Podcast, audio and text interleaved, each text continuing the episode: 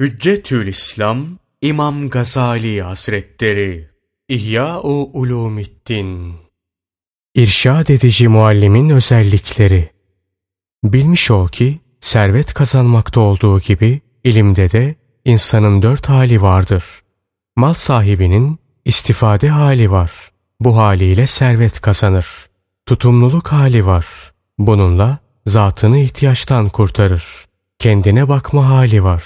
Bununla da kazancından faydalanır. Başkalarına infakı var. Bununla da cömert ve fazilet sahibi olur ki en şerefli hali budur. İlimde mal gibi elde edilir. İlmi aramak ve ilmi kazanmak hali var. İlme sahip olma hali var. Bu sayede başkasına sormaktan kurtarır. Aydınlanma hali var ki bununla öğrendiklerini düşünür ve onlardan istifade eder. Bir de başkasını öğretme hali var. Bu da en şereflisidir. Kim ki öğrenir, öğrendiğiyle amel eder ve başkalarını öğretirse manevi alemde saygıyla anılır. Bunlar güneş gibidir. Hem kendisi nurludur ve hem de başkalarını aydınlatır. Misk gibidir. Kendisi de güzel kokar, başkalarına da güzel koku saçar. Bildiğiyle amel etmeyenler, sahifeleri ilimle dolu defter gibidir. Başkasına faydası var fakat kendisi bir şey anlamaz. Bileği taşı gibidir. Bıçağı biletir fakat kendisi kesmez. İğne gibidir. Başkasını giydirir fakat kendisi daima çıplak durur. Lamba fitili gibidir. Başkasına ışık verir fakat kendisi yanar. Nitekim ilminden istifade etmeyip başkalarına faydası dokunan hakkında şair şöyle demiştir. O ancak lamba fitilidir. Kendisi yanarken başkasını aydınlatır.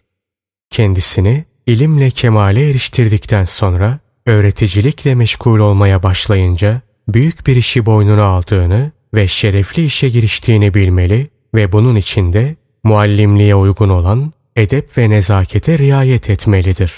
Bu sebeple muallimin riayet edeceği yedi vazife vardır. 1. Babanın evladına olan şefkati gibi öğrencileri esirgemektir. Nitekim Peygamber Efendimiz sallallahu aleyhi ve sellem bir mübarek sözünde şöyle buyuruyorlar. Ben sizin için çocuğuna karşı bir baba gibiyim.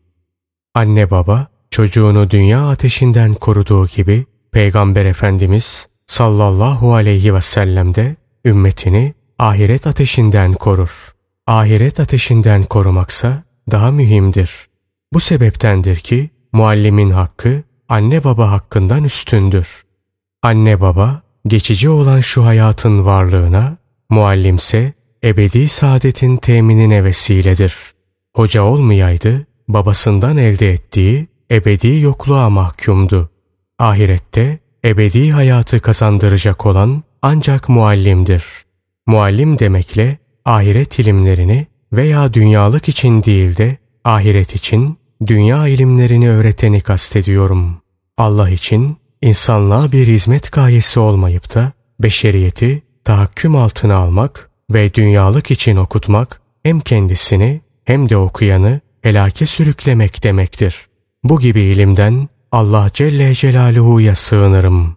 Bir ailenin çocukları karşılıklı güven, sevgi ve saygı içinde maksada doğru ilerleyecekleri gibi bir hocanın talebeleri de böyle karşılıklı sevgi ve saygı içinde olmalıdırlar. Eğer gayeleri ahiretse zaten başka şekil olamaz. Eğer gayeleri dünyalıksa aralarında kin ve çekememezlikten başka bir şey bulunmaz. Zira gerçek alimler ve ahiret çocukları dünyadan Allah Celle Celaluhu'ya giden yolda Allah Celle Celaluhu'ya doğru yolculuk halindedirler. Dünyanın yıl ve ayları yol üzerindeki misafirhaneler mesabesindedir. Şehir ve köyler arası yolculukta arkadaşlık, dostluk ve sevgi vesilesi olunca ya Firdevsi alaya yolculuk edenler arasında sevgi ve saygı nasıl olmasın? Halbuki ahiret saadetinde asla darlık yok. Bu sebeptendir ki ahiret yolcuları arasında çekişme olmaz. Bilgileriyle baş olmayı umanlar, Hak Teâlâ'nın Hucurat Suresi 10. ayeti celilesinde müminler ancak kardeştir. Gereğinin dışında kalıp Zuhruf suresi 67. ayeti celilesinin buradaki dostlar o gün yek diğerine düşmandır. Ancak müttakiler değil, kapsamına girerler. 2. Öğretim ve eğitiminde Peygamber Efendimiz sallallahu aleyhi ve selleme uymalıdır. Öğretme karşılığı ücret istememeli ve hatta teşekkür bile beklememelidir. Öğrettiğini ancak Allah için öğretmeli ve gayesi Allah Teala'ya ulaşmak olmalıdır. Her ne kadar öğrencilerin minnettar olmaları gerekirse de kendilerine böyle bir hak tanımamalı, belki kalplerine ilim tohumunu ekmekle Allah Celle Celaluhu'ya yaklaşmak için gönüllerini tamamıyla kendisine bağladıklarından fazilet ve minneti öğrencilerde bilmelidir. Onların bu hali ekip biçmek için tarlasını sana emanet olarak veren kimseye benzer. Tohumu eken tarla sahibinden daha karlı olduğu gibi çocukların kalplerine ilim aşılayanlar da onlardan daha karlıdır. Hal böyleyken daha öğreticiliği nasıl minnet sayarsın? Halbuki muallimin alacağı mükafat öğrencinin sevabından üstündür. Eğer öğrenci olmazsa sen bu mükafatı alamazsın. Mükafatını Allah Celle Celaluhu'dan iste. Nitekim Allah Teala şöyle buyurmaktadır. Hud suresi 29. ayeti kerime. De ki, ben bunun üzerine sizden ücret istemem. Benim ecrim ancak Allah üzerinedir. Çünkü mal ve dünya varlıkları bedene hizmet eder. Bedende nefsin binitidir. Halbuki hizmet olunan ilimdir. Çünkü nefsin yüceliği ilim sayesindedir. İlimle mal elde etmek isteyen, ayakkabılarının altını kendi yüzüyle temizleyen gibidir ki, hizmet olunanı hizmetçi, hizmetçiyi de hizmet olunanın yerine koymuş olur. Bu ise kafayı aşağı, ayakları yukarı çevirmektir. Böylece bilgiyle dünyalık sağlamak isteyenler, kıyamet günü suçlularla Allah Celle Celaluhu huzurunda başları eğik olan kimselerdir. Hülasa, gerçekte fazilet ve minnet muallim içindir. Şimdi bak, din idaresi nasıl kimseler eline geçti. Kendilerine daimi bir gelir sağlamak ve bir mevki elde etmek için sultanların hizmetine koşar, paralar harcar ve her türlü zillete katlanırlar. Bunu yaparken de gayelerinin Allah'a yaklaşmak olduğunu zannederler. Eğer böyle yapmasalar taraflarına bakan olmazdı. Bundan sonra da muallim öğrenciden her türlü yardımı hatta haklı haksız, dostuna dost, düşmanına düşman olmayı her halinde kendisine açık bir hizmetçi ve bütün işlerinde emrine amade bulunmasını ister. Eğer ilim talibi bunlardan birini yerine getirmezse onu yerer ve en büyük bir düşman tanır. Bir alim için en büyük alçaklık bu dereceye düşmesi, bununla övünmesi ve sonra da utanmadan benim okutmamdaki gayem ilmi yaymakla dine yardım ve Allah'a yaklaşmaktır demesidir. Şu aldanmışların kötü niyetlerini gözler önüne seren bu alametlere bak da ibret al. 3. Muallim, talebeye nasihatte kusur etmemeli, en ince teferruatına kadar her şeyi olduğu gibi bildirmelidir. Mesela henüz ehli olmadığı bir mevkiye talip olmamak, ilimlerin zahir manalarını anlamadan ince ve gizli manalarıyla meşgul olmamayı anlatmak gibi. Sonra bilgi edinmekten gaye, kemale ermek ve bu sayede Allah Celle Celaluhu'ya yaklaşmak olup benlik, mücadele ve mevki elde etmek olmadığını aşılamak ve imkan nispetinde bu gibi hallerin çirkin olduklarını talebenin kafasına yerleştirmek gibi. Fena kalpli bir alimin bozduğu, düzelttiğinden fazladır. Eğer talebenin gayesi ilmi yalnız dünyalık ve enaniyet için elde etmek olup okuduğu ilimler fıkıh ilminin fürudaki itilaflı meseleleri, kelamdaki fırkaların mücadeleleri, muamelattaki fetva meseleleri ise hemen talebeyi bu ilimlerden men etmelidir. Zira bu saydığım bilgiler ne ahiret ilmi ne de biz ilmi başka maksatla okuduk. Fakat ilim Allah'tan başkası için olmayı kabul etmedi denen ilimlerdendir. Böyle olan ilimler tefsir, hadis ve ilk zatların meşgul oldukları ahiret ilmi, nefsin ahlakını bildiren ve ıslah eden ilimlerdir. Bu ilimleri başka maksatla okumakta da beis yoktur. Gerçi bunları vaaz etmek ve insanları ardına takmak için okur. Fakat bu ilimleri okurken veya okuduktan sonra düzelmek ihtimali vardır. Çünkü bunlarda Allah'ın azabından korkutan, dünyayı küçültüp ahireti yücelten bilgileri öğrenmek vardır. Bu bilgilerin okuyanın niyetini düzeltme ihtimali kuvvetlidir. Hatta insanlara vaaz ettiği meselelerden kendisi de ders alabilir. Ve insanların kendisini beğenip mevki kazanmayı sevmesi, kuş tuzağının etrafına atılan tanelere benzer. O taneleri alacağım diye kafese düşen kuş gibi bir vaiz de bu hakikatleri başkasına anlatırken neticede kendisi de ayılabilir. Allah Teala insanlara neslin devamı için şehvet verdi. İlmin yaşamasına sebep olsun diye de makam sevgisi verdi. İşte bu nizam şu saydığımız ilimlerde bulunur. Yalnız kelamdaki mücadele, fıkıh meselelerinin incelikleri ve bunlardaki muhalefette uğraşmak, gaflet, kalp kasveti, sapıklıkta devam ve mevki arzusundan başka bir şey sağlamaz. Ne ola ki Allah Teala'nın rahmeti ulaşa veya diğer dini ilimlerden biri bunlara eklene. Bunun en büyük delili tecrübe ve müşahededir. Gez gör ve bugünkü alimleri tetkik et. Bunu kolaylıkla anlarsın.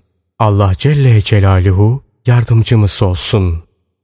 Allah rahmet etsin. Süfyan-ı Sevri Hazretlerini mahzun gören arkadaşları sebebini sorduklarında biz insanlara ticaret vasıtası olduk.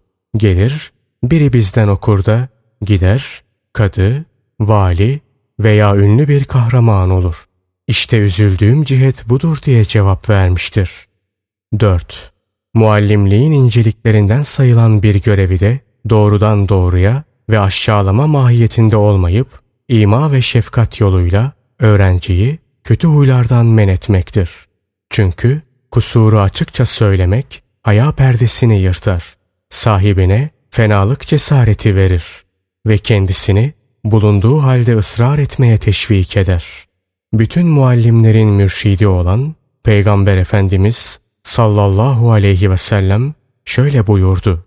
Eğer insanlar deve gübresini parçalamaktan men edilse bunda mutlaka bir şey var deyip herkes onu kırmaya kalkışırdı. Hazreti Adem ve Havva kıssaları bunun açık bir delilidir. Zaten bu kıssanın bildirilmesi kıssayı anlatmak için değil, ondan ibret almak içindir.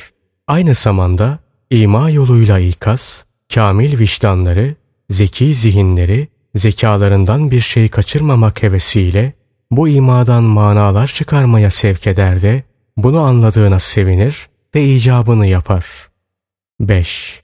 İlmin bazı dallarına vakıf olana yakışan diğer ilimleri yermemektir. Mesela lügat ilmiyle uğraşanın fıkıh ilmini, fıkıh okutanın hadis ve tefsiri yermesi gibi. Bu ilimleri yermek için onlar hep nakle dayanır. Koca karı işleridir. Çünkü kafayı çalıştıracak bir tarafları yok derler. Bunun gibi kelam okutanlar da fıkıhla uğraşmayı yererde derler ki fıkıh furu, kelamsa asıldır.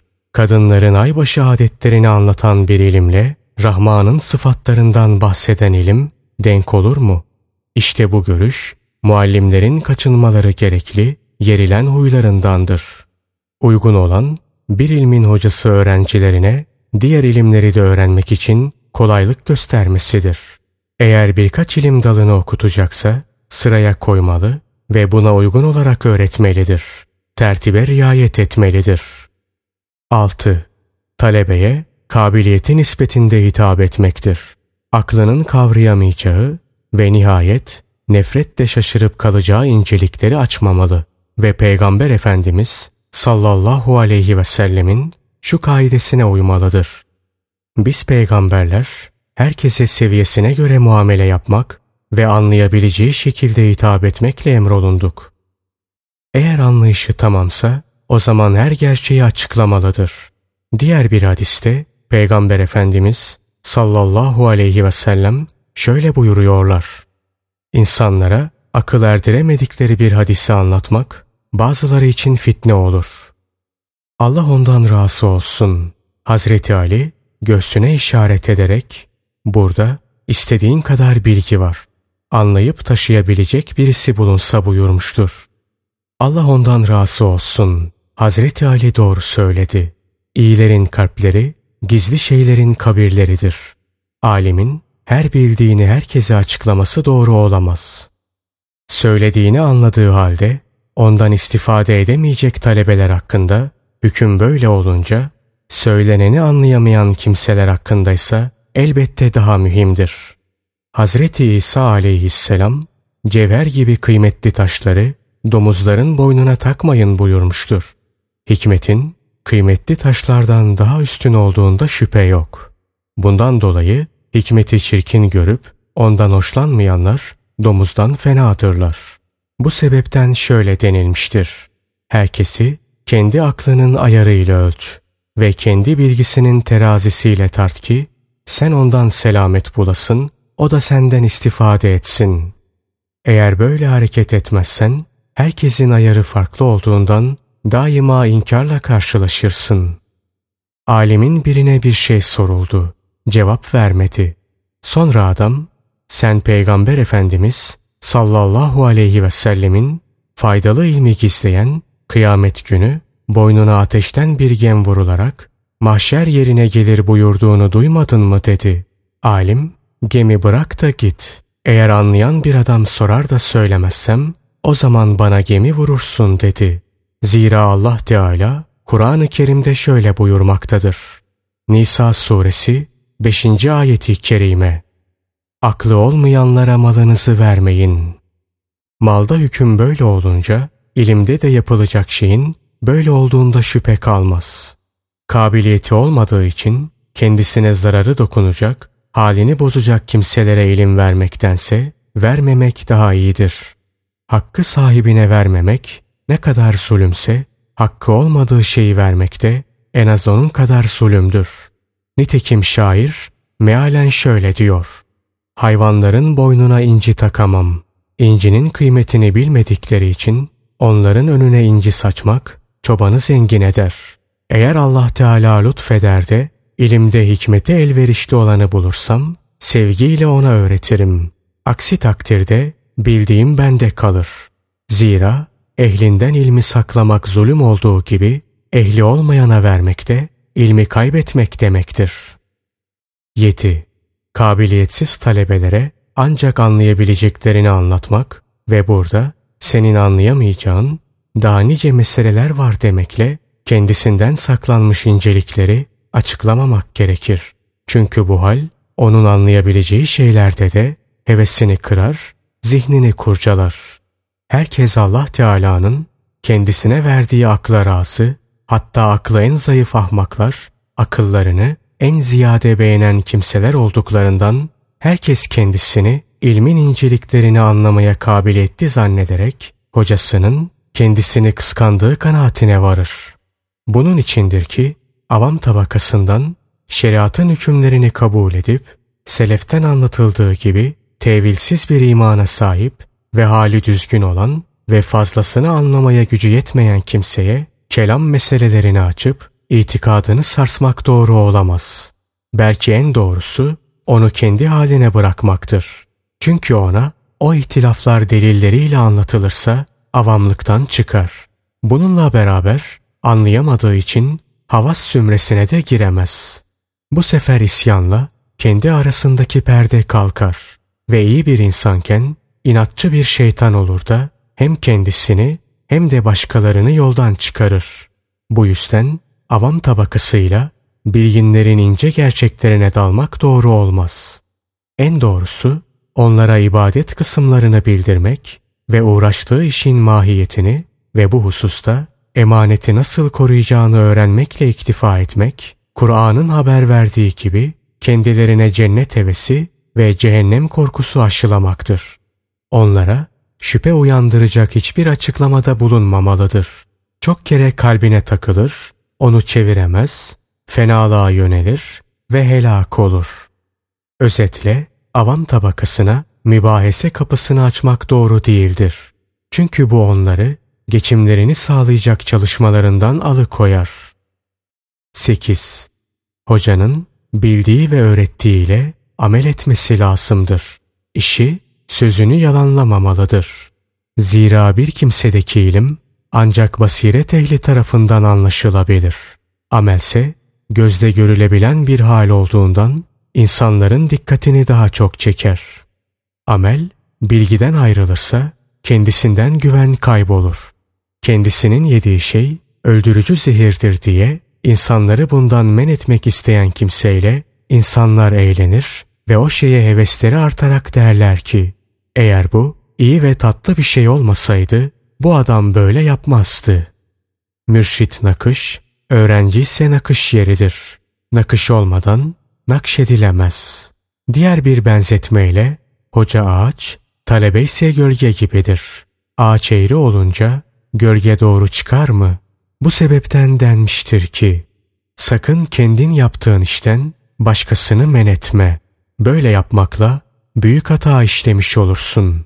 Bu hali yermek için Allah Teala da Kur'an-ı Kerim'de şöyle buyurmuştur. Bakara suresi 44. ayeti kerime. Kendinizi unutur da başkalarına mı iyiliği emredersiniz? Bu sebeptendir ki alimin günahtaki cezası cahilin cezasından daha çoktur. Çünkü alimin sürçmesiyle alem sürçer. Fena bir adeti icat edene kendi günahı yazıldığı gibi örnek olduğu için ona uyanların günahı gibi de günah yükletilir. Bu sebepten Allah ondan razı olsun Hazreti Ali buyuruyor ki benim belimi kıran iki kişidir. Birincisi aşikare isyan eden alim, ikincisi ibadete sarılan cahildir. Cahil, ibadetiyle insanları sapıttığı gibi, alim de isyanıyla sapıtır. Her şeyi Allah Celle Celaluhu bilir.''